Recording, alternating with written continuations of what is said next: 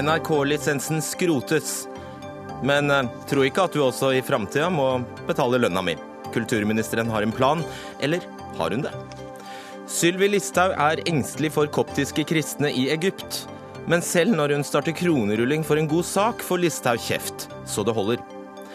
Hva har hestesenteret, sykkelvelodrom, pianostemmerutdanning og Østfold Opera til felles? Jo, de tok snarveien inn på statsbudsjettet ved hjelp av venner i KrF og Venstre.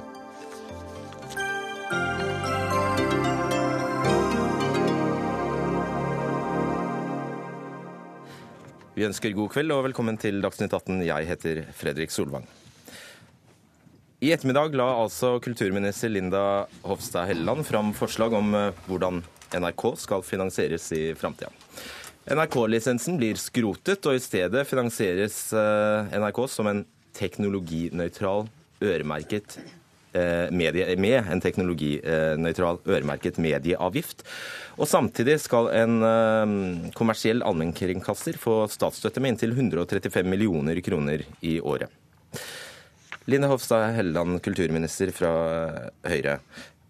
Stemmer det at regjeringen har på blokka følgende alternativer i stedet for dagens lisens? En husstandsavgift, altså en øremerket medieskatt, som jeg nevnte, basert på inntekt, og eller en øremerket skatt med et fast beløp? Ja, vi ønsker å utrede liksom de hoved, to hovedmodellene videre. Og så skal vi se det opp mot en, en statsbudsjettfinansiering eh, til slutt. Og Grunnen til at det er liksom to skattemodeller som skal utredes, Eh, og Grunnen til at også dette tar litt tid da, med et lovarbeid, det er fordi at det ene skattealternativet det er det ingen som har pekt på, heller ikke Rimreid-utvalget. Og når jeg har sett på det som Stortinget har bedt oss om å, om å vurdere, de kriteriene som Stortinget har sagt at en ny NRK-finansiering skal eh, innfri, så er hensynet til sosial eh, utjevning eh, avgjørende. Og Hvilket av de tre alternativene er det skattealternativet? Ja, det er Derfor jeg kom med ett til. da.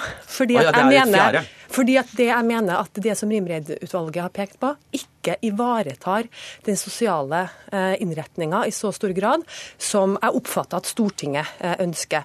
Samtidig så er det NRKs uavhengighet, det at det skal være kostnadseffektiv, ubyråkratisk eh, ordning å innkreve finansieringa avgjørende, men det er liksom den sosiale innretninga som er eh, det viktigste. Og det er et lovarbeid som, som, eh, som, krever før at eh, vi kan konkludere på det. Og så er jeg også opptatt av at Stortinget har gjennom sine forlik ønska en bred forankring, sånn at NRK-finansieringa skal kunne stå seg over tid og forutsigbarhet. Og det håper jeg også at vi får signaler tilbake på nå, sånn at vi får en bred politisk enighet her. Det håper vi om, men bare klargjør, klargjør det for oss. Har du bestemt deg for noe som helst? Ja. Jeg har bestemt meg for å legge vekk NRK-lisensen. Jeg har bestemt meg for at det er en øremerka eh, medieavgift som eh, vi skal da se på videre.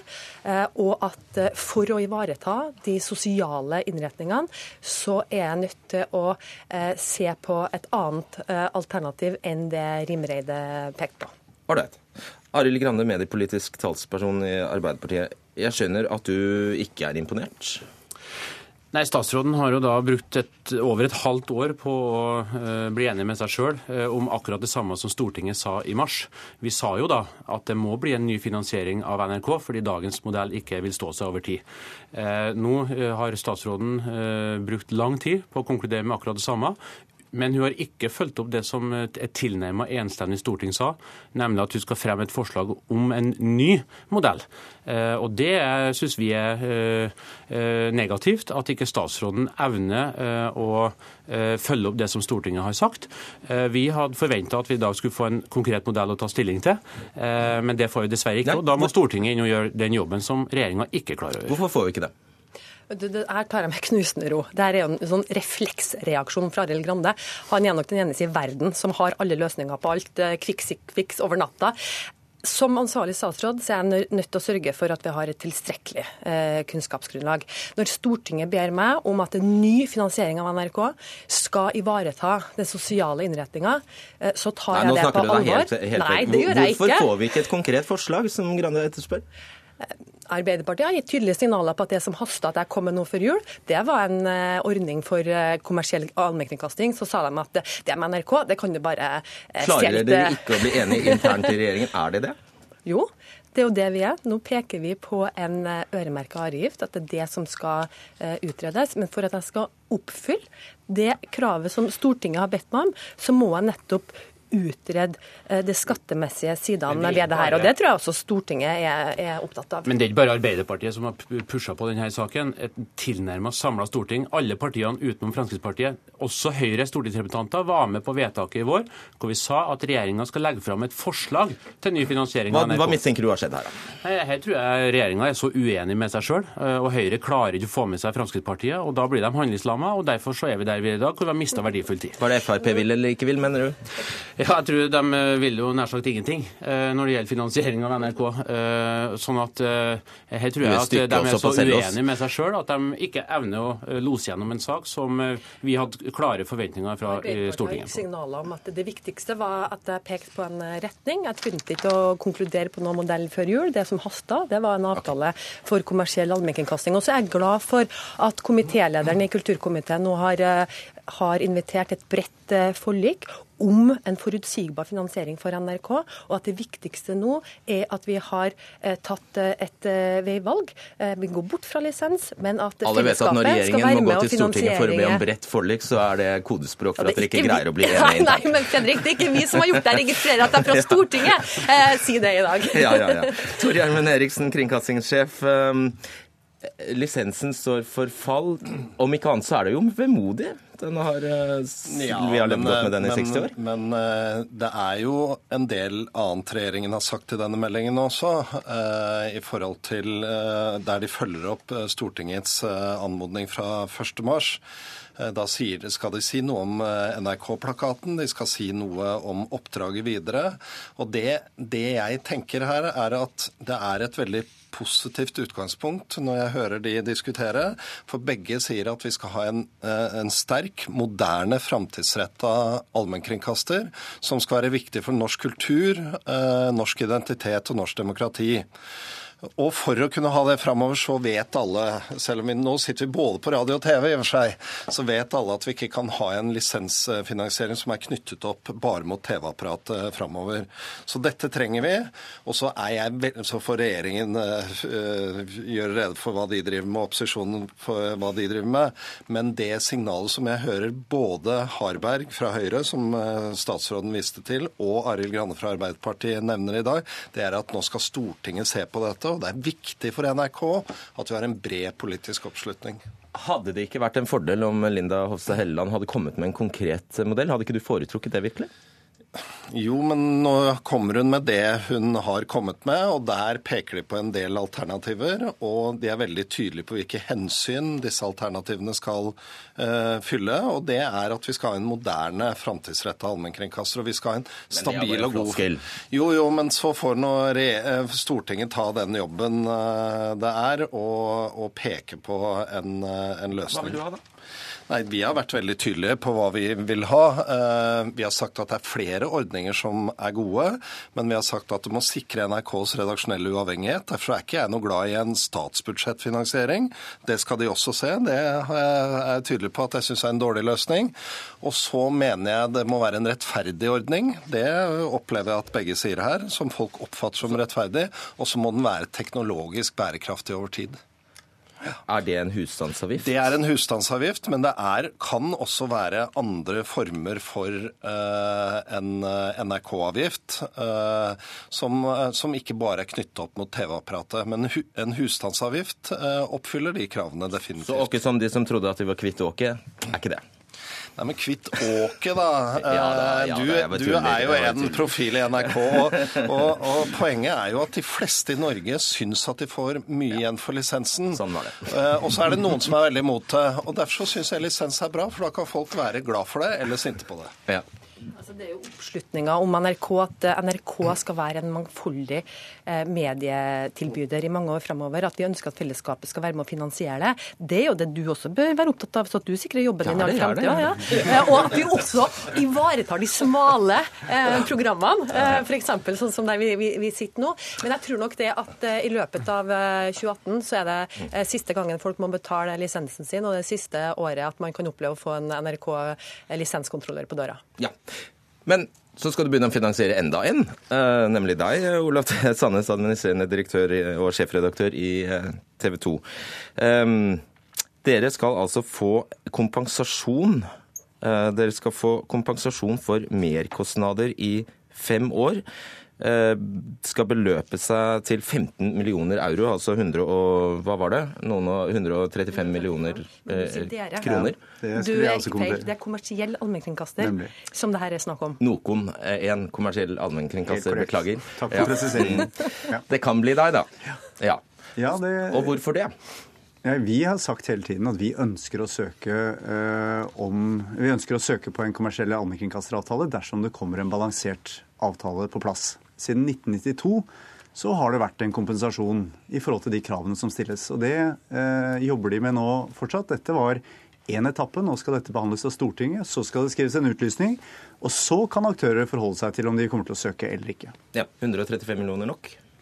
Ja, Det vil avhenge av hvilke krav som står i en endelig avtale. og Vi kommer til å gå gjennom dette. Vi har sett en pressekonferanse fra kulturministeren. Eh, I morgen så skal vi få lese en, en, stortingsmelding, og så skal det behandles. Og så vil det komme en utlysning, og først da vil vi kunne eh, kommentere på det.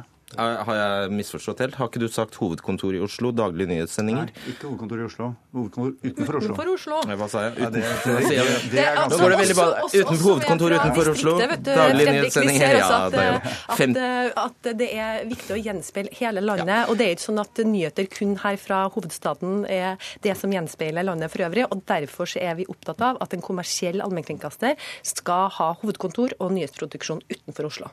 Ja. Og til for det skal de få 135 millioner. Denne vedkommende kanalen. Helt riktig. Og da spør jeg, er det, holder det? Ja, Igjen så kommer vi til å måtte gå gjennom helheten. og Nå har vi hørt en pressekonferanse fra kulturministeren, og vi har sagt at dersom det er balansert avtale, så vil vi kvittere ut med å søke. Eh, det kan det også være andre aktører som gjør. og Så får vi se i, i forhåpentligvis før sommeren 2017 mm. hvordan det blir. Ja, eh, Det er jo et skritt i riktig retning at regjeringa innser nå at eh, de ikke kommer utenom en form for kompensasjon. Det sa Stortinget i allmennkringkastingsavtalen i mars. Eh, Linda Hofstad Helleland prøvde seg jo med en pinlig øvelse om å utlyse en midlertidig avtale uten en sånn kompensasjon, og resultatet var at ingen var interessert i å søke. Jeg tror nok at det er et bra skritt i riktig retning at man nå snakker om kompensasjon. Men det å starte feil ende og først definere et beløp, og så snakke om innholdet. Vi må først bli enige om hvilke innholdskrav skal stilles til en kommersiell allmennkringkaster. Det eh, er nok mer eh, vilje til å legge inn innholdskrav fra stortingsflertallet enn det regjeringa har lagt opp til. Eh, og vi er særlig skuffa over at regjeringa ikke nevner Bergen. Det må vi sørge for å få på plass i Stortingets behandling. Og så vil vi presisere at den nye kommersielle allmennkringkasteren skal være til stede i hele landet, slik at vi unngår journalistiske blindsoner. Og da, da kan nok beløpet vise seg å bli større enn det regjeringa har lagt opp til. Svar veldig kort på det. Ja, veldig kort. Så Grunnen til at uh, vi, er, vi, er, opptatt av at vi skal ha medieklynger flere steder i, i, landet, uh, men grunnen til at vi ikke nevner Bergen spesifikt, er jo at da får vi utfordringer med ESA, og vi uh, kan ha, få da flere år mumle, med runder. Må mumle i skjegget. flere år med runder skjegget, før, før, at vi kan få en avtale om ny kommersiell okay. allmennkringkastingsprogram. Og så det andre. hvis det er sånn at Arve Grande på ene sida så sier han at det er dumt at vi nevner en sum, og på den andre andre sida så sier han at men det var mye mer enn 15 millioner euro. Så, så er jo det så selvmotsigende som det går an å bli. Grunnen til at vi setter fem, opp mot 15 millioner euro, det er at det er gruppeinntaket i, i ESA. Eh, og vi Hæ? er bekymra oss for at hadde vi eh, økte mer enn 15 millioner, da, hadde tatt, eh, da kan det ta lang, lang tid før at en ny allme, kommersiell allmennkringkaster kan søke på en, eh, en avtale. Det tror jeg også at, eh, at TV 2-sjefen ville underskrive på, at dette kan ta mange år før det kommer på plass. Og sånn som Da kan jo du ta stilling til det, da, som er en, en, en potensiell si søker. Dag, jo, lurt eller ikke lurt å sette et sånt tak? Det jeg kan si i dag, det er jo Kulturministeren sa i dag at mer enn noen gang så er det viktig å sikre kommersiell allmennkringkasting. Sikre at det er et godt alternativ til NRK. I snitt ser nordmenn nesten to timer på allmennkringkasterkanalene NRK og TV 2 i 2016. Ja, vil du bare begynne å tjene og, penger, det, så går det bra. Nemlig. Og der har vi jo selve utfordringen, Fredrik, som ikke du har, men som vi har. Og det er at vi må, vi må finansiere norsk journalistikk og norske programmer fortsatt. Og der har ikke bare TV 2, men hele den norske mediebransjen en stor utfordring. Og vi er glad for initiativet som tas. Hva syns kringkastingssjefen altså, om det? Nå vil jo ikke 135 millioner i, i, i, tilskudd eh, frita dem fra å tjene penger. De skal tjene ca. 3 milliarder i året selv, så det er jo en liten del. Men, men, jeg har lyst til bare to ting. Det ene er hva er det vi snakker om? Vi snakker ikke om at nordmenn kommer til å mangle et mediemangfold i framtida. Men vi snakker om er det sånn at den globaliseringen, Netflix, HBO, alle de vi gleder oss over, de gir oss ikke drama, nyheter, opplevelser fra, eh, fra Norge, det som holder oss sammen. I denne situasjonen så er jeg glad for at eh, regjeringen i dag sier at det må brukes mer penger, og vi må sikre finansieringen av norsk innhold. Det tror jeg vi alle er enige om. Det er veldig bra. Og så regner jeg med også at NRK faktisk Vi er jo rundt om i hele landet. Det er ikke sånn at alt er i Oslo. Vi har ca. 500 journalister rundt om i landet. Og jeg regner med at en del av uh, kravene til å være til stede uh, i landet kommer også til å bli skjerpa for NRK. Uh, det sa i hvert fall Stortinget, at det burde stilles et krav om at vi skulle være i alle fylker. Sånn at det er en viktig at, at både kommersielle allmennkringkastere og vi er til stede i hele landet. Ok, Grande, ja, jeg vet ikke om vi skal gå videre på dette med taket, eller hvor vesentlig er det? Nei, Det vesentlige for oss i Arbeiderpartiet er hva slags innhold vi eh, ønsker skal sikres gjennom kommersiell allmennkringkasting. Eh, det tror jeg vi har et godt utgangspunkt for å bli enige om i, Stortinget. Så finner man alltid det riktige beløpet. Og jeg er ikke i tvil om at så lenge du snakker om kommersiell allmennkringkasting, så vil det kunne bli godkjent om det så skulle vise seg at det er over 15 millioner òg. Men eh, vi ønsker i hvert fall å være tydelige på at det er Bergen vi snakker om, og at vi skal fortsatt styrke den fine utviklinga som Bergen som medieby har vært inne i. Og det må vi finne løsninger som, som ivaretar i Stortinget. Stortinget. Jeg er helt enig i eh, at vi skal utvikle Bergen som medieby med Media City i Bergen nå, som er store forventninger til. Og så er det veldig hyggelig å høre at Arbeiderpartiet faktisk er at de har mulighet til å være positive til noe av det som regjeringa eh, fremmer. Det er veldig bra. For et fint punktum. Takk, takk skal dere ha. Linda Hofstad Helleland, Arild Grande, Tore Gjermund Eriksen og Olav T. Sandnes.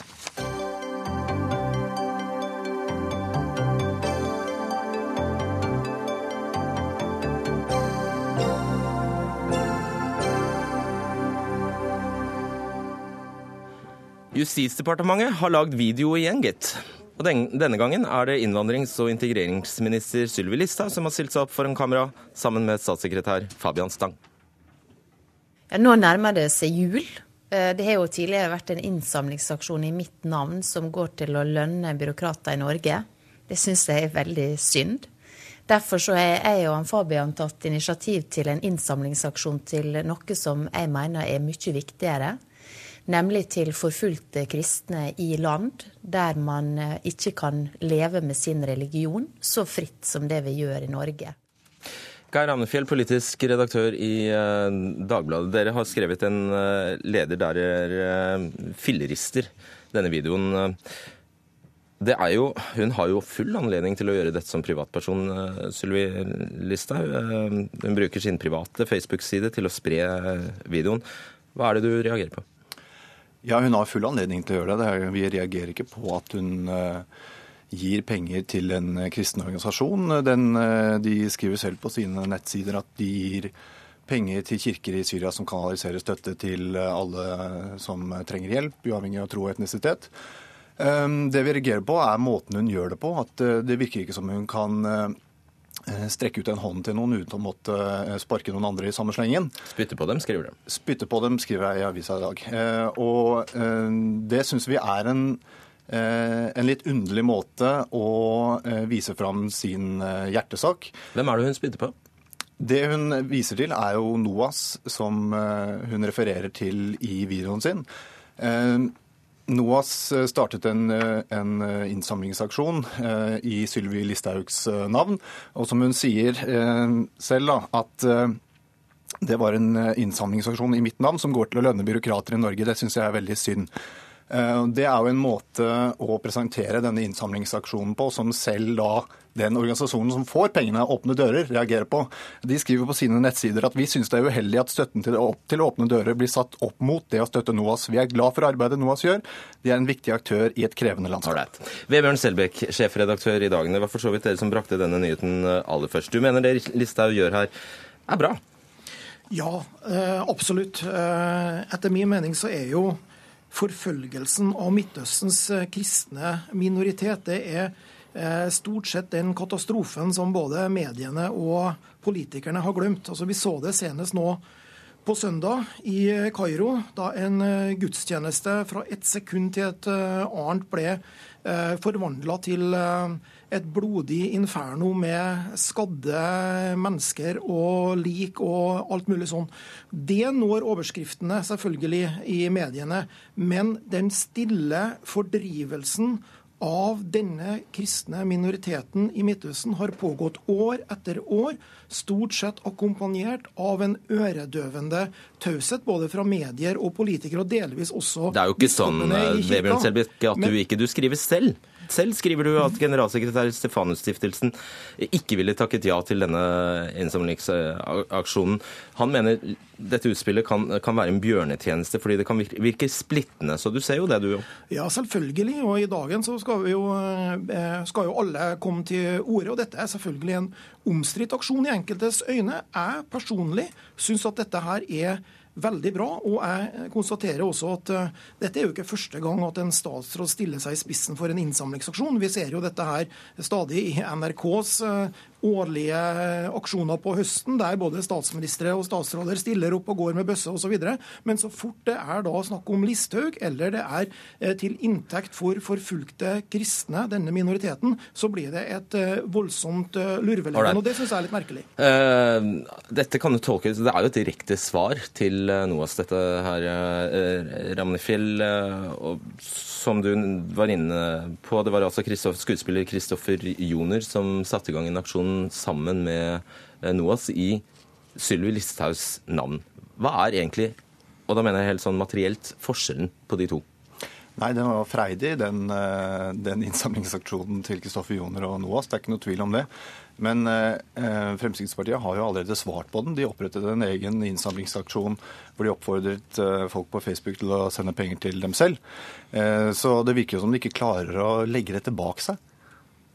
ja, Selbekk? Nei, legg det, legg det, bak seg. Jeg oppfatter dette her som et uh, veldig bra initiativ for en forfulgt gruppe. Det er Ramnefjell og Dagbladet som uh, koble dette her så innmari sterkt til den uh, Hun kobler det jo ja, selv i, ja, i videoen, jo, det er jo det som er poenget. Noe, som det er det vi reagerer på, ikke noe annet. Det, men hun har et lite spark til NOAS der, det ser jeg òg. Men, men eh, hovedsaken her er at det nå for første gang fra toppolitisk hold rettes et søkelys mot denne viktige gruppen forfulgte Hvor lenge har Sylvi Listhaus vet du det? Hvor lenge har Sylvi Listhaugs hjerte banket for de koptiske kristne i Egypt? Nei, Hun går nå rundt med et uh, kors og har nå i årevis uh, markert seg også eh, som en kristen og som en person som er opptatt av disse verdiene her. Så jeg spurte om de koptiske kristne i Egypt. Ja, de koptiske kristne. Det er jo ikke så rart at du er opptatt av dem. nå da, den samme uka som det var en massakre av dem der de må begrave 25 av sine kirkegjengere Jeg bare lurte på om du visste noe om hvor lenge Nei, hun har engasjert seg i den saken? Detaljkunnskap om hvor lenge du har vært opptatt av kopterne, nei,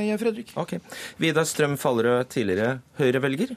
Eh, du har skrevet et brev til Erna Solberg eh, i dag der du slår opp med Høyre. Og det som fikk, til, det som fikk det til å renne over for deg, var denne Listhaug-videoen. Hvorfor det? Ja. Nei, altså Jeg har jo tenkt på det egentlig siden forrige valg. Eh, og kjent på en litt sånn vond følelse av at man skal samarbeide så tett med Frp. Jeg syns mye av retorikken og menneskesynet til Frp er ganske skummelt. Men tenk at Høyre er et ansvarlig parti. Erna holder de tøylene. Dette går fint. Og nå er vi her da snart fire år senere, og det har vært en masse eksempler som jeg har tolket eller følt har gått i fullstendig feil retning. Eh, og da topper det seg fullstendig i dag, når ikke bare får hun stå uimotsagt av sine egne, holdt jeg på å si, med Høyre. Eh, fordi Fabian, statssekretær fordi Fabian Stang deltar også i den videoen. står også og holder armene rundt henne og smiler og er enig. Og da kjente jeg det både vokste i meg og sank i meg på samme vis. Og hva er så galt med denne videoen? Nei, jeg syns det er merkelig i en tid hvor eh, Aleppo og Syria er i stor konflikt, eh, at man velger en sånn type sak. Det er nå én ting. men og misforstå meg rett, Jeg er ikke imot at man skal hjelpe forfulgte kristne. Det er kjempeflott, og det er ingenting å si på.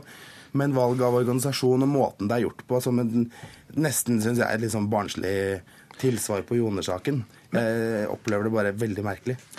Men, du, ja, du kaller det bare, Vent litt, Selvek. Du kaller det mørk konservatisme?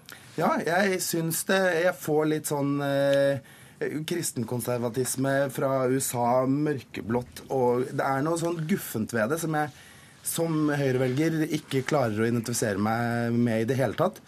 Eh, og kommer da i rekken av flere episoder. Ok, ja. ja, Du får være Sylvi Listhaugs talsperson. Nei, nå bør ikke være Sylvi Listhaugs talsperson her, men jeg vil opplyse om at Syria, når man snakker om at Aleppo bombes her, Syria er jo et av de landene der kristne forfølges mest. Det er et av de landene der det har vært kristne nesten fra apostlenes dager, og der de nå holder på å fordrives, massakreres, henges, brennes. Og det er klart at da er, jo det, eh, Dette er jo en direkte støtte til arbeidet i Syria. Og som du sjøl sa, Fredrik, Åpne dører er engasjert sterkt i Syria for forfulgte kristne og for alle de andre som har det vanskelig der, der borte nå. Henrik Hatten, stortingsrepresentant for eh, Høyre. Hva syns du om denne videoen og denne kronerullingen? Rullingen? Nei, jeg synes, eh, altså, Sylvi Listhaug er en kontroversiell politiker. Mange av uttalelsene hennes har skapt mye debatt. Jeg syns dette kanskje er litt spesielt at man blir så forarget over at en statsråd samler inn penger til forfulgte kristne i Midtøsten. Det syns jeg kanskje er noe av det mindre kritikkverdig enn noen statsråd noen gang har gjort. Det er jo helt fint. Han sa det var en dråpe. Ja, altså dette er en regjering som uh, har stått i bresjen sammen med Storbritannia. En giverlandskonferanse for Syria. 12 milliarder kroner ble samlet inn der. Uh, I går hadde statsministeren en halvårlig pressekonferanse hvor hun gikk lenger enn noen statsminister noensinne har gjort i å kritisere vår nabo i Øst-Russland for nettopp det som skjer i Syria. Man må jo se regjeringens politikk som en helhet. Men jeg syns ikke det skal settes opp mot at Sylvi Listhaug i tillegg da har en innsamlingsaksjon for forfulgte kristne, etter at det har vært en ganske alvorlig uh, angrep på f.eks. en kristen menighet i Kairo, eller for den saks skyld situasjonen i Syria. Og du stiller deg selvfølgelig fullt og helt bak regjeringens og dermed også Sylvi Listhaugs integrerings- og innvandringspolitikk. Ja, den er jo ikke bare Sylvi Listhaugs, den er jo ikke bare regjeringens engang. Den er jo et veldig bredt flertall på Stortinget, som også inkluderer mange partier på venstresiden. Er det politikken du reagerer på, eller er det formen, eller hva er det? Jeg satt og brant etter å si at Politikken og det praktiske i seg selv, der er det brede flertall. og på en måte ikke noen store kritikkverdige ting. Det som er mitt store problem, er retorikken. Jeg syns det er problematisk at Sylvi Listhaug får lov eh, til å være den som setter dagsorden og, og, på en måte sette et eller annet premiss for hvordan man eh, snakker om, om, politiske valg og mennesker på. Og jeg, som Høyre-velger så kjenner jeg det vrenger seg eh, i måten dette får lov å fortsette på. For ved å ikke ta avstand fra det, så sier man seg også enig. Og jeg syns Høyre blir senest mørkeblått ut ved å ikke ta avstand? Ja, altså det er jo sånn at uh, Jeg også mener at det er ting som f.eks. Syvi Listhaug har sagt, som jeg ikke ville sagt. Erna Solberg har sagt på talerstolen i Stortinget at det er ord uh, hun ikke ville brukt som Syvi Listhaug har brukt. Men sannheten er at Høyre har over 30 000 medlemmer. Forrige valg fikk vi over 760 000 stemmer. Og dette er et tema som engasjerer veldig mange mennesker, og som det er spenn også i Høyre på. Jeg har all respekt for at enkelte av medlemmene i Høyre da syns at det går for langt den ene veien, men så er det mange medlemmer i Høyre som støtter den politikken regjeringen fører ja, men Du kan jo snakke til Fallerød siden han er her, da. Ja, nettopp. Og jeg mener at, altså jeg syns det er veldig synd med alle som melder seg ut av Høyre eller slutter å stemme på Høyre. Jeg skulle ønske alle gjorde det. Dere er velkommen til å gjøre det, dere to andre òg. Eh, men faktum er at den politikken Sylvi Listhaug fører, det er den politikken som Stortinget har bedt regjeringen om å føre. Noe av retorikken har skapt debatt, men jeg syns jo på en måte, dette her illustrerer litt hvordan Sylvi Listhaug alltid skal liksom angripes. Fordi nå har hun da en innsamlingsaksjon for forfulgte kristne, og så er det liksom også feil. Og da vil jeg spørre deg, Ramnefjell. I den forrige meget opphetede diskusjonen rundt denne NOAS-kampanjen så var det mange som påpekte at uh, kritikerne av Listhaug går jo nettopp på limpinn. Hun får jo all den oppmerksomheten uh, hun måtte ønske seg. Og gjør ikke du for så vidt akkurat samme igjen? Det er mange limpinner her. da. Det, nå forsøker jo Selbekk og Asheim til å eh, framstå som om det er en eh, diskusjon om det er riktig å gi penger til eh, kristne i Syria eller kristne i Kairo. Det er jo ikke det vi diskuterer. Vi diskuterer det at eh, Sylvi Listhaug ikke klarer å komme med en hjertesak uten å måtte holde liv i en gammel konflikt og spre eh, spre gammelt agg og ta opp igjen en konflikt som det burde være mulig å, å legge bak seg. Eh, og det er, Jeg syns det er en litt sånn pussig måte å fremme en hjertesak på. Det er vel det er vel mer det man reagerer på. At uh, det virker som det er like viktig for Sylvi Listhaug å komme med et spark til NOAS som det er å gi penger til åpne dører. Vebjørn Selbekk, noe av det det reageres på her, er altså at hun gjør et, forsøker seg på et skille mellom seg selv som statsråd, der hun råder, bidrar, er med på å råde over en pengesekk på 60 milliarder kroner. Det er altså summen Justis- og beredskapsdepartementet rår over. At hun gjør et skille mellom seg som statsråd og seg som privatperson. Hvis hun virkelig, virkelig, virkelig mente dette, så hadde hun vel bevilget penger til dette formålet? Ja, men nå er jo hun eh, integreringsminister, da. Så det er jo, det er jo ikke eh, hennes eh, ansvarsområde. Dette det kan jo bli det. Det mener hvis, du ikke engang at hun ikke hadde hatt mulighet til det? Hvis Midtøsten fortsettes å tømmes for kristne, så kan det jo fort bli hennes eh, departement, dette her òg. Fordi mange av dem må, jo også komme til, til, Europa når det er ulevelig der nede.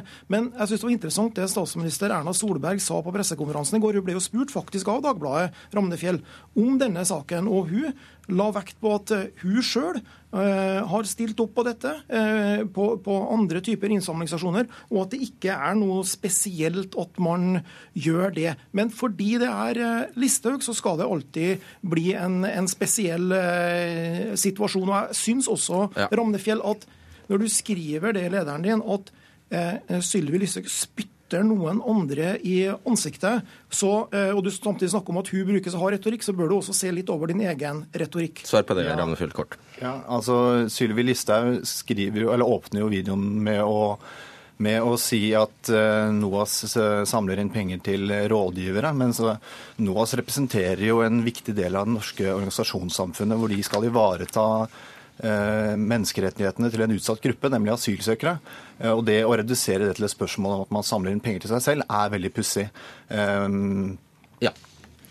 Henrik Asheim, vi har søkt gjennom Utenriksdepartementets proposisjon i statsbudsjettet i dag. Egypt er nevnt 19 ganger, bare ett sted. Og ikke et eneste sted handler, handler det om kopterne. Vi har hørt med med Norges ambassade i Egypt, som sier vi støtter Norge har gjennom tre år støttet ett prosjekt i én kirke, for, altså det handler jo om kjønnslemlestelse, med én million kroner. Dette engasjementet står jo ikke helt i troende. Nei, men jeg synes Det er en helt merkelig motsetning å si at siden vi har en regjering som bevilger penger over offentlige budsjetter til forskjellige ting, så kan ikke statsråder også oppfordre til at mennesker skal gi privat. vi tester bare troverdigheten. Jo, men Det er jo noe av det flotte med måten Norge hjelper på. Vi hjelper jo ikke bare over offentlige budsjetter, og så sier vi at derfor skal ingen andre gjøre noen ting. Enten det er NOAS eller andre, får jo også penger av privatpersoner. Og hvis en statsråd ønsker å løfte en gruppe som er forfulgt, og si at gi gjerne penger til denne gruppen Da er den naturlige måten å gjøre det på å bevilge penger til det. Ja, men skal vi da si at hvis du er statsråd eller sitter på Stortinget for den saks skyld som jeg gjør, så kan ikke jeg få lov til å samle inn penger eller engasjere meg for andre grupper som ikke har bevilget penger til på statsbudsjettet. Da blir det helt meningsløst. Det sivile samfunnet handler også om at privatpersoner gir fra sin egen lomme. Hva skal tilfalle det før du får for deg? Eh? Ja, jeg jeg syns dette handler om så mye mer enn eh, innsamling for kristne, eller i og for seg også praktisk politikk. Da. Jeg syns dette er et ledd i vi har nå Putin som har vunnet i USA, vi har Le Pen som fosser fram i Frankrike, vi har Dansk Folkeparti osv. osv. Det er en mørkeblå Vind som bruker en helt eh, forferdelig skremmende retorikk. Jeg syns Frp og Sylvi Lysthaug er en del av det. Og ved å ikke ta avstand, så er også Høyre det. Derfor klarer jeg rett og slett ikke å være en del av Høyre lenger, før man tar avstand fra dette. Både den angjeldende Sylvi Listhaug og Fabian Sand var invitert hit i dag, men de kunne ikke komme. Takk skal dere ha. Geir Amnefjell, Vebjørn Selbekk, Vidar Strøm Fallerød og Henrik Asheim.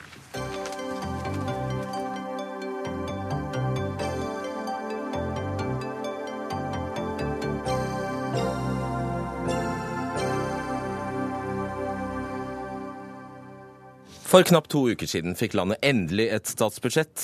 Det var eh, pengene til grønt skifte som til slutt fikk Venstre og KrF til å signere en budsjettavtale med regjeringen, het seg. Men var det bare det? Var det ikke like gjerne alle de små pengegavene som gjorde at det ble enighet til slutt?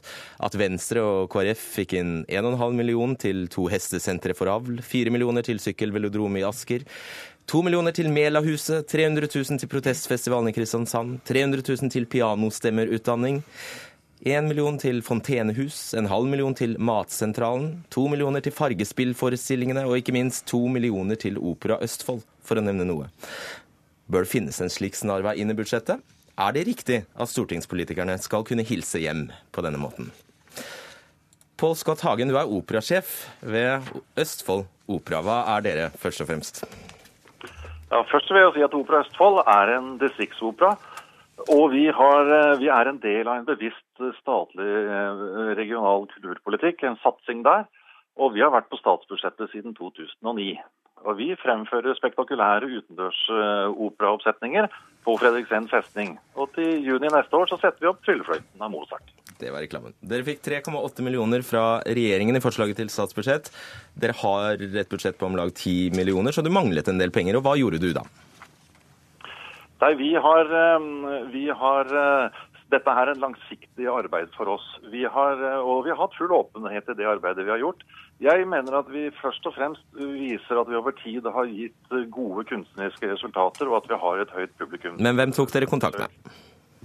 Ja, så Når vi da har bygd den kompetansen og hatt et eierskap lokalt, så har vi begynt å jobbe opp mot lokalpolitikerne våre.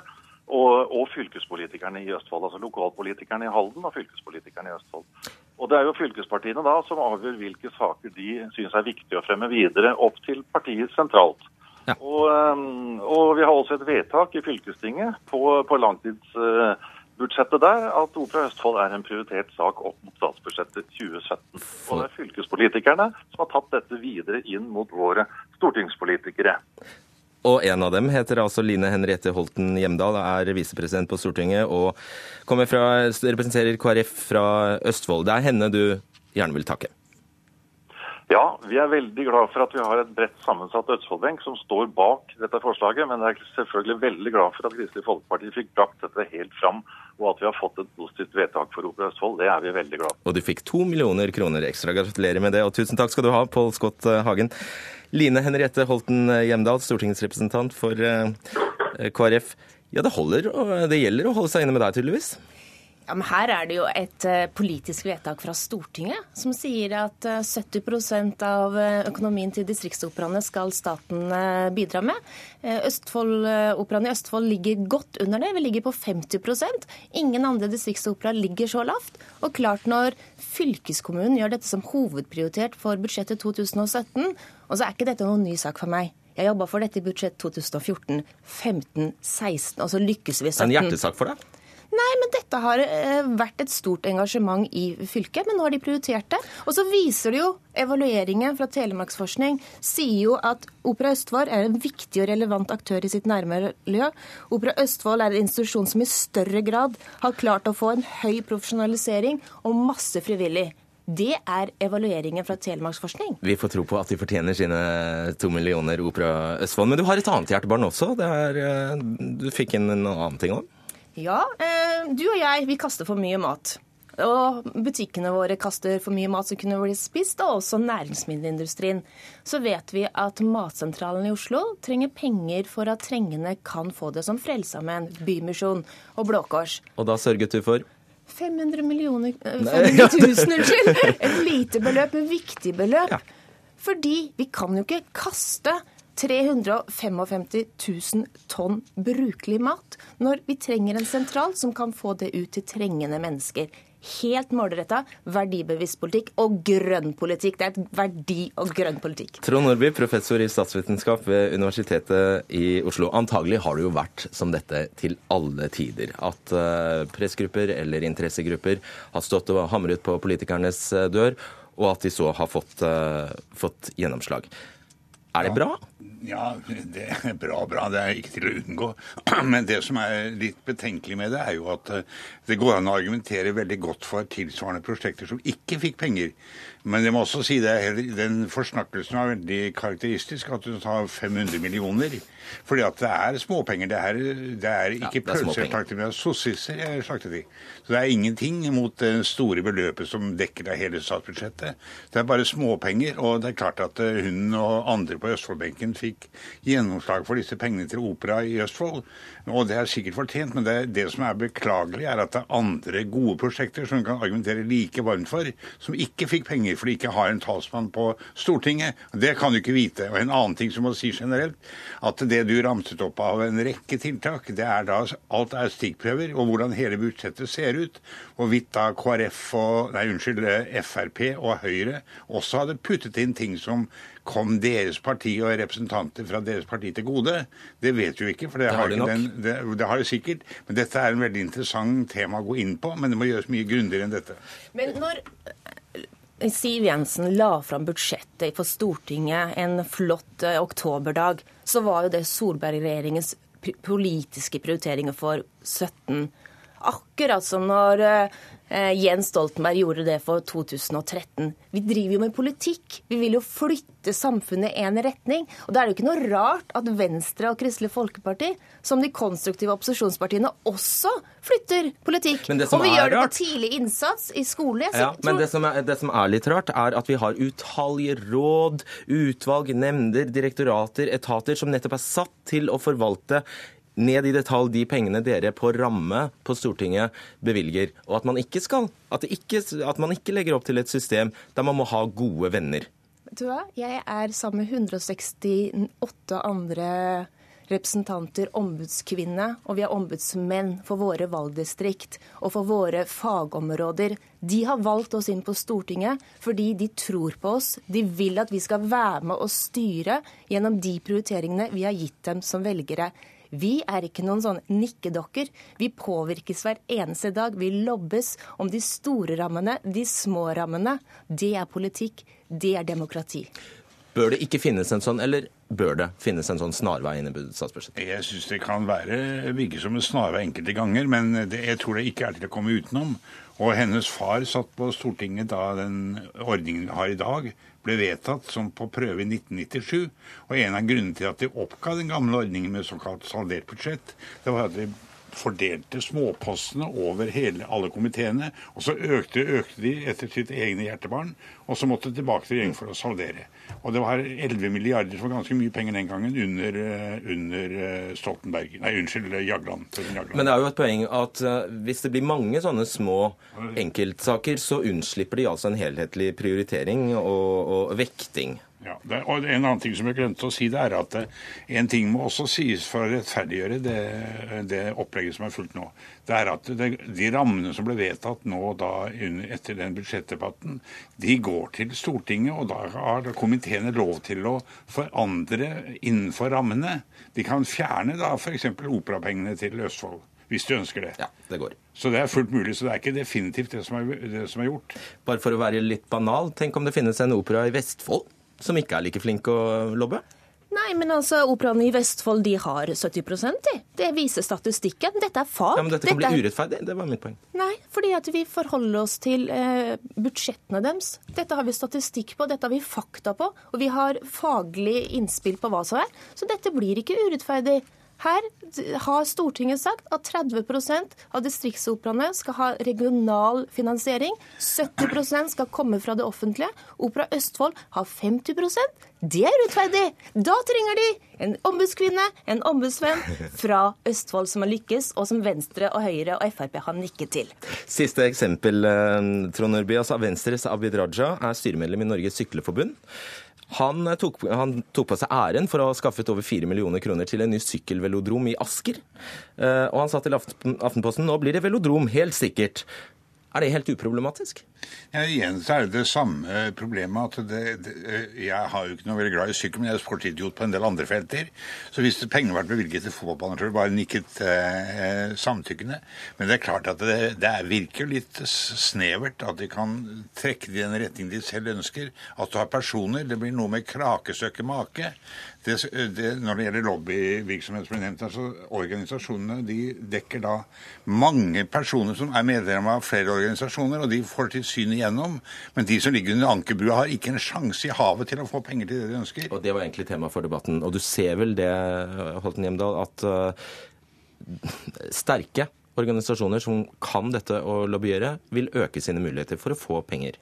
Frelsesarmeen er ingen sterk organisasjon. Jo. Frelsesarmeen og? Evangeliesenteret de er veldig glad for de 500 000 de har fått i Matsentralen, slik at de til neste år i januar kan få mat og middag ut til sine. Det er det viktigste budskapet jeg får. Fire millioner kroner til Barnas Stasjon som Blå Kors fikk. Rett ut for at familier skal kunne spise middag sammen. Det er direkte, og det er for de små og de svake, de som Kristelig Folkeparti står opp for. Takk skal dere ha, Trond Nordby, Line Henriette Holten Hjemdal.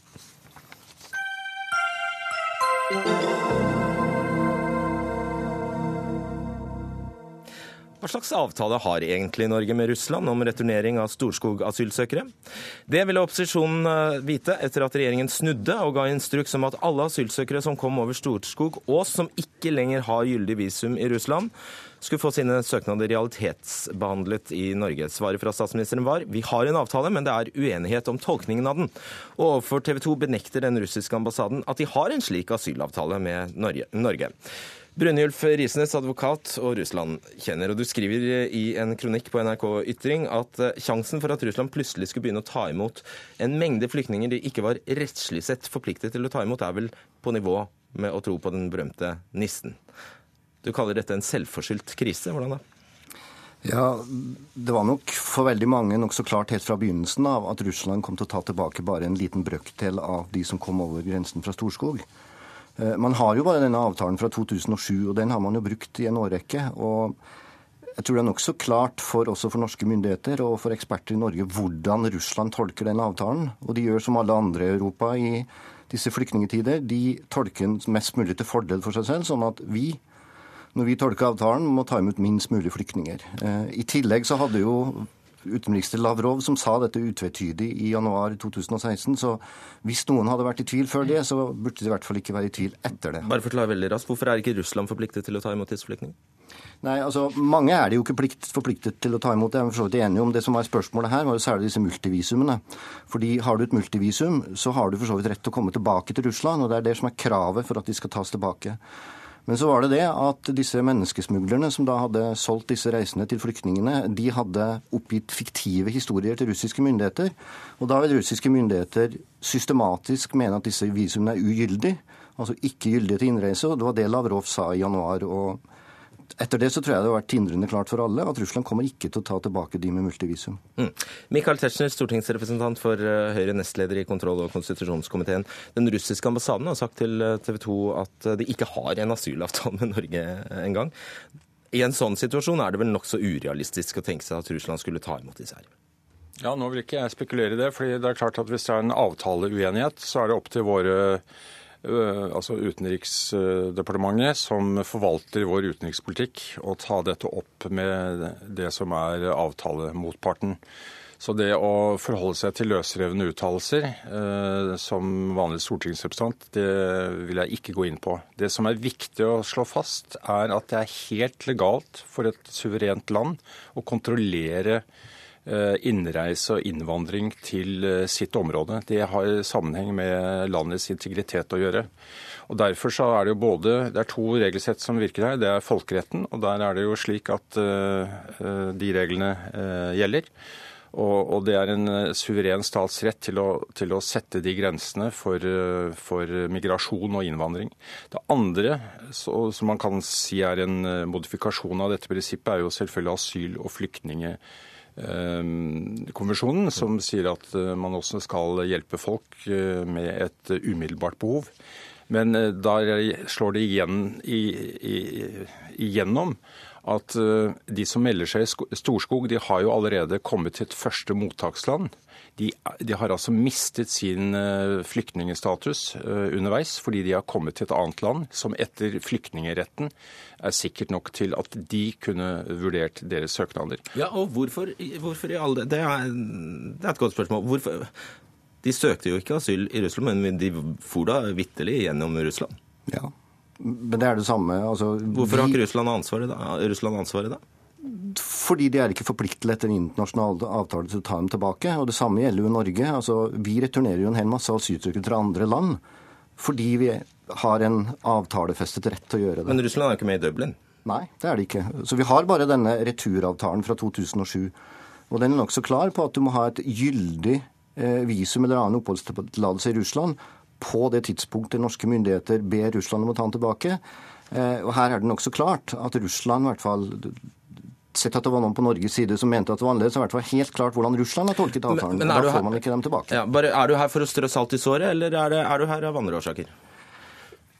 Nei, altså på en måte for å strø salt i såret, fordi dette er såpass eh, underlig at man har ventet dette året. Og så er det dette med at det har jo tross alt noen tusen som har gått her og ventet, pluss at det er brukt nokså store ressurser på dette. Så jeg syns det er litt uheldig at man gir uttrykk for at dette er noe annet enn det egentlig er. Og dette, ser jeg, dette året kan man bare se som en politisk markering. Eh, Det har ikke hatt noen hensikt, og det har hatt betydelige skadevirkninger også for forholdet til Russland.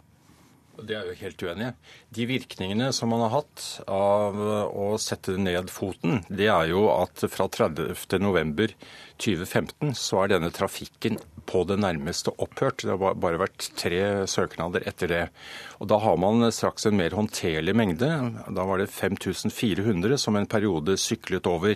Du vet det- vel ikke at det er noen kausaleffekt her? Kan du vite det? Jo, de, det er klart at denne virkningen Det, det kan også være eh, tiltak eh, den, som russiske myndigheter har innført på sin grense, fordi de ser at de kommer ikke av med disse transittflyktningene. Og, Derfor er det så viktig å stå på de internasjonale prinsippene. Og Jeg må også si Risnes overser jo en eh, veldig viktig ting i farten her, og det er at Innreisereguleringen er en del av det å være et selvstendig land. Og det baserer seg jo ikke på avtale, en konkret avtale med det andre nabolandet. Her er det jo internasjonale folkerettsprinsipper som slår igjennom. Og det, et av de viktigste er at det er norske myndigheter som bestemmer eh, kriteriene for å reise inn i Norge. Og dette er en del av norsk innenrikspolitikk. Og uh, hvorom alt, allting er så altså, Om det ene førte til det andre, eller det andre førte til det tredje Det ble i hvert fall slutt på strømmen, og det var det det norske Stortinget ønsket. Ja, strømmen stoppet jo i realiteten før man innførte tiltakene. Og i den grad man skal ta på seg æren for at det ikke har blitt noen ny strøm, så tror jeg det er en vanskelig kausalvirkning, som du sier. Jeg tror nok at eh, det enten skyldes at strømmen bare stoppet av seg selv, eller russiske tiltak. Jeg tror ikke det er noe noen som mener eh, reelt sett at det skulle være noen forbindelse mellom tiltak på norske side og det at flyktningstrømmen har stoppet. Eh, Det er åpenbart, som Tetzschner sier, at man kan regulere på grensen, men når man først var forpliktet til å ta imot disse flyktningene og hadde dem her, så må man jo forholde seg realistisk til muligheten til å få sende dem noe annet sted. Ikke sant, og Et siste poeng til deg, Tetzschner. fordi Premisset for det du sier, er jo at Russland er et trygt, uh, trygt land å returnere mennesker til. og Det mener altså FNs høykommissær for flyktninger at det ikke er. Ja, det kan være for enkeltgrupper. Altså, vi, ser, vi ser hvordan de offisielle myndighetene ser på eh, seksuelle minoriteter. Og Der er det jo også åpnet for at man eh, etter EMKs artikkel 3 eh, kan eh, gjøre individuelle unntak for eh, grupper som, eh, som da eh, er mer utsatt for en nedverdigende behandling. Så det gjelder jo også når man går gjennom disse sakene. Ellers så syns jeg det er eh, I hvert fall gleder jeg meg over at man har fått en kontroll over dette. At eh, 1800 personer har fått avslag etter behandling av saken, og at politiet er godt i gang med returnering av disse. At 850 personer har fått asyl i Norge. Og at man altså da har en, disputt med russiske myndigheter om de 1300 som de etter vårt skjønn er forpliktet til å ta tilbake. Det er, det er ikke rettslige problemer, må men det er praktiske problemer. Jeg må knipe dere, for vi har en debatt til. Takk skal dere ha, Brynjulf Risnes og Michael Tetzschner.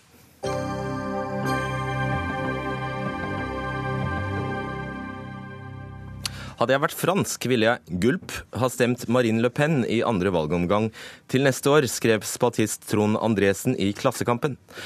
Det ble for mye for venstresidas Dagsavis. Andresen fikk samme dag beskjed fra Klassekampen-redaktør Bjørgulf Bronnen om at han ikke lenger var ønsket som fast bidragsyter, ifølge Aftenposten. Bronnen ønsket ikke å stille i denne debatten, men Trond Andresen, tidligere spaltist da, i Klassekampen, amanuensis ved NTNU. Det du ville fram til, eh, er at lederen for det franske nasjonalistiske partiet Front National på den ytre høyresiden har en masse politikk som passer bra med folk på venstresiden. Hvordan det? Jo, eh, jeg tror at i dag så er eh, grensene veldig flytende når det gjelder politikk. Eh, altså skille høyre-venstre er vanskelig å bruke i alle mulige debatter. Og jeg tror at et, et viktig skille i dag, det er de som er opptatt at landene skal bestemme sine egne affærer. Og de som er for fri flyt av alt, og at beslutninger skal tas i USA eller i Brussel eller hvor det er. Altså det man med et kort ord kan kalle globalistisk ideologi. Så da spiller det ikke noen rolle for deg at Marine Le Pen har gått inn for at barn av ulovlige innvandrere ikke skal få gratis skole i Frankrike? Vel, eh, jeg har sjøl tilbrakt noen år i Australia, og der er det sånn at barn av lovlige innvandrere må betale for skolen når de oppholder seg i Australia, så dette er ganske vanlig i mange land. Idar Helle, historiker og utreder i De facto, kunnskapssenter for fagorganiserte. Dette stemmer jo for så vidt det Andresen sier. EU-motstand, delvis eh, proteksjonistisk industripolitikk, globaliseringsmotstand. Det er sammenfall. Det er klart det er sammenfall, og det har alltid vært sånn at på en måte globalisering eller politisk liberalisme, økonomisk liberalisme, har vært angrepet, kritisert både fra venstre og høyre. Så dette er jo ikke noe nytt, men det er fortsatt sånn at eh, det er visse ting som skiller klart venstre fra høyresiden, og veldig klart på en måte europeisk venstresiden spesifikt fra Marine Le Pen og Front National. Hvor er det Andresen tar feil? da? Ja, Et viktig område, jeg vil si tre ting. da. Det ene er synet på arbeiderbevegelsen og venstresiden, som Marine Le Pen er den hardeste kritikeren av i Frankrike. Hun har alltid vært, og Front National har alltid vært de som har vært ute mot streikekonflikter, ute mot arbeidsfolks eh, kamp for rettigheter. Det er det ene. Det andre er jo selvfølgelig synet på eh, ikke bare innvandrere, men etniske grupper i samfunnet. Skal de behandles etter ulik standard, eller er det venstresiden forplikta til en form for universalisme? Jeg mener det siste, og jeg syns det er ganske underlig at på en måte folk på venstresiden argumenterer langs linjer at dette kan oppheves. Det tredje punktet som jeg vil eh, framheve, er at Front National er fremdeles et ganske klart høyreautoritært, høyreradikalt parti. Det har direkte linjer til eh, fascismen i eh, Europa i etterkrigstida. Eh, og sånn som i dag òg, så er denne støtten eller denne lojaliteten knytta opp til Putin og Russland, den er òg problematisk. Ok, Andresen. Ja, jeg, jeg, vet nesten ikke hvor jeg skal begynne. Eh, altså Akkurat dette her med å knytte linjer tilbake til fascismen og sånne ting. Da kan man jo ta, ta rotta på Senterpartiet i Norge og si at de sympatiserte med Quisling før krigen, Aftenposten støttet Hitler osv. osv. Jeg ønsker at eh, vi skal se på hva tilbyr politikere i Europa og verden i dag for å løse de enorme økonomiske kriseproblemene. Vi har hatt uh, åtte år med uløst eurokrise, f.eks. Det er 10 eh, arbeidsløshet i Frankrike. Eh, og meget svarte utsikter over hele fjøla. Eh, de etablerte partiene, som er veldig opptatt av å være politisk korrekte og vise de rette holdningene i alle mulige saker, og snakke om antirasisme og multikulturalisme og alle sånne ting, de har ikke løsninger. Jeg, har, jeg er ikke noe ekspert på Frankrike, der vet kanskje Helle mer enn meg. Men jeg vet såpass mye som at uh, Le Pen går inn for uh, det man kan kalle en keynesiansk sosialdemokratisk styringspolitikk, slik vi kjenner det fra 50- og 60-tallet at man skal bruke nasjonale virkemidler for å gjenreise industri, Men, skape arbeidsplasser, eh, og ikke ha fri flyt som, som knekker all okay. egenproduksjon i Frankrike. At man skal få kontroll over bankvesenet, at man skal gjenreise egen jo... Nei, jeg er ikke helt ferdig. Nei, jo, du må være ferdig. Vi har dårlig tid. ja. Dette er jo på en måte punkter som ligger i programmet. Men det har jo aldri blitt ført som politikk. og Det er jo litt på problemet til Andresen her. at Front National og Le Pen er et politisk parti som aldri har fått utøve sin makt politisk i Frankrike. Og jeg syns det er litt underlig å knytte seg direkte til programmen og tro at det forteller den fulle og hele sannhet, og på en måte blåse i de historiske erfaringene en har med ytre høyre på denne typen spørsmål. Det syns jeg virker rett og slett kontekstløst. Og at en, på en, måte, en analytiker som jeg kjenner Trond Andresen på, som, kan på en måte falle falle i en sånn felle, det syns jeg er ganske underlig. Og det må jeg si jeg stiller meg veldig, veldig kritisk til. altså. Og I tillegg må det sies en ting til. Fransk venstreside har jo kandidater som står på de linjene som uh, Trond Andresen står på. Melanchon ligger på omkring 15 oppslutning. Uh, og det vil jo være mye natur, mer naturlig å, å, gå inn i inngrep med, med fransk politisk debatt med støtte til han. Hva stemmer du i Norge, Andresen? Nei, eh, jeg vet ikke hva jeg kommer til å stemme i Norge. Jeg har jo en, gammel, jeg har en fortid som eh, Rødt-medlem, langt ute på venstresida. Eh, kommer det en bra kandidat fra Senterpartiet i Sør-Trøndelag, så stemmer jeg Senterpartiet. Ja, ta, Si én setning om uh, Senterpartiet. Nei, altså, det, det som jeg syns er bra med Senterpartiet Det er mye jeg syns er dårlig. Du har ti sekunder på det. Ja, ok.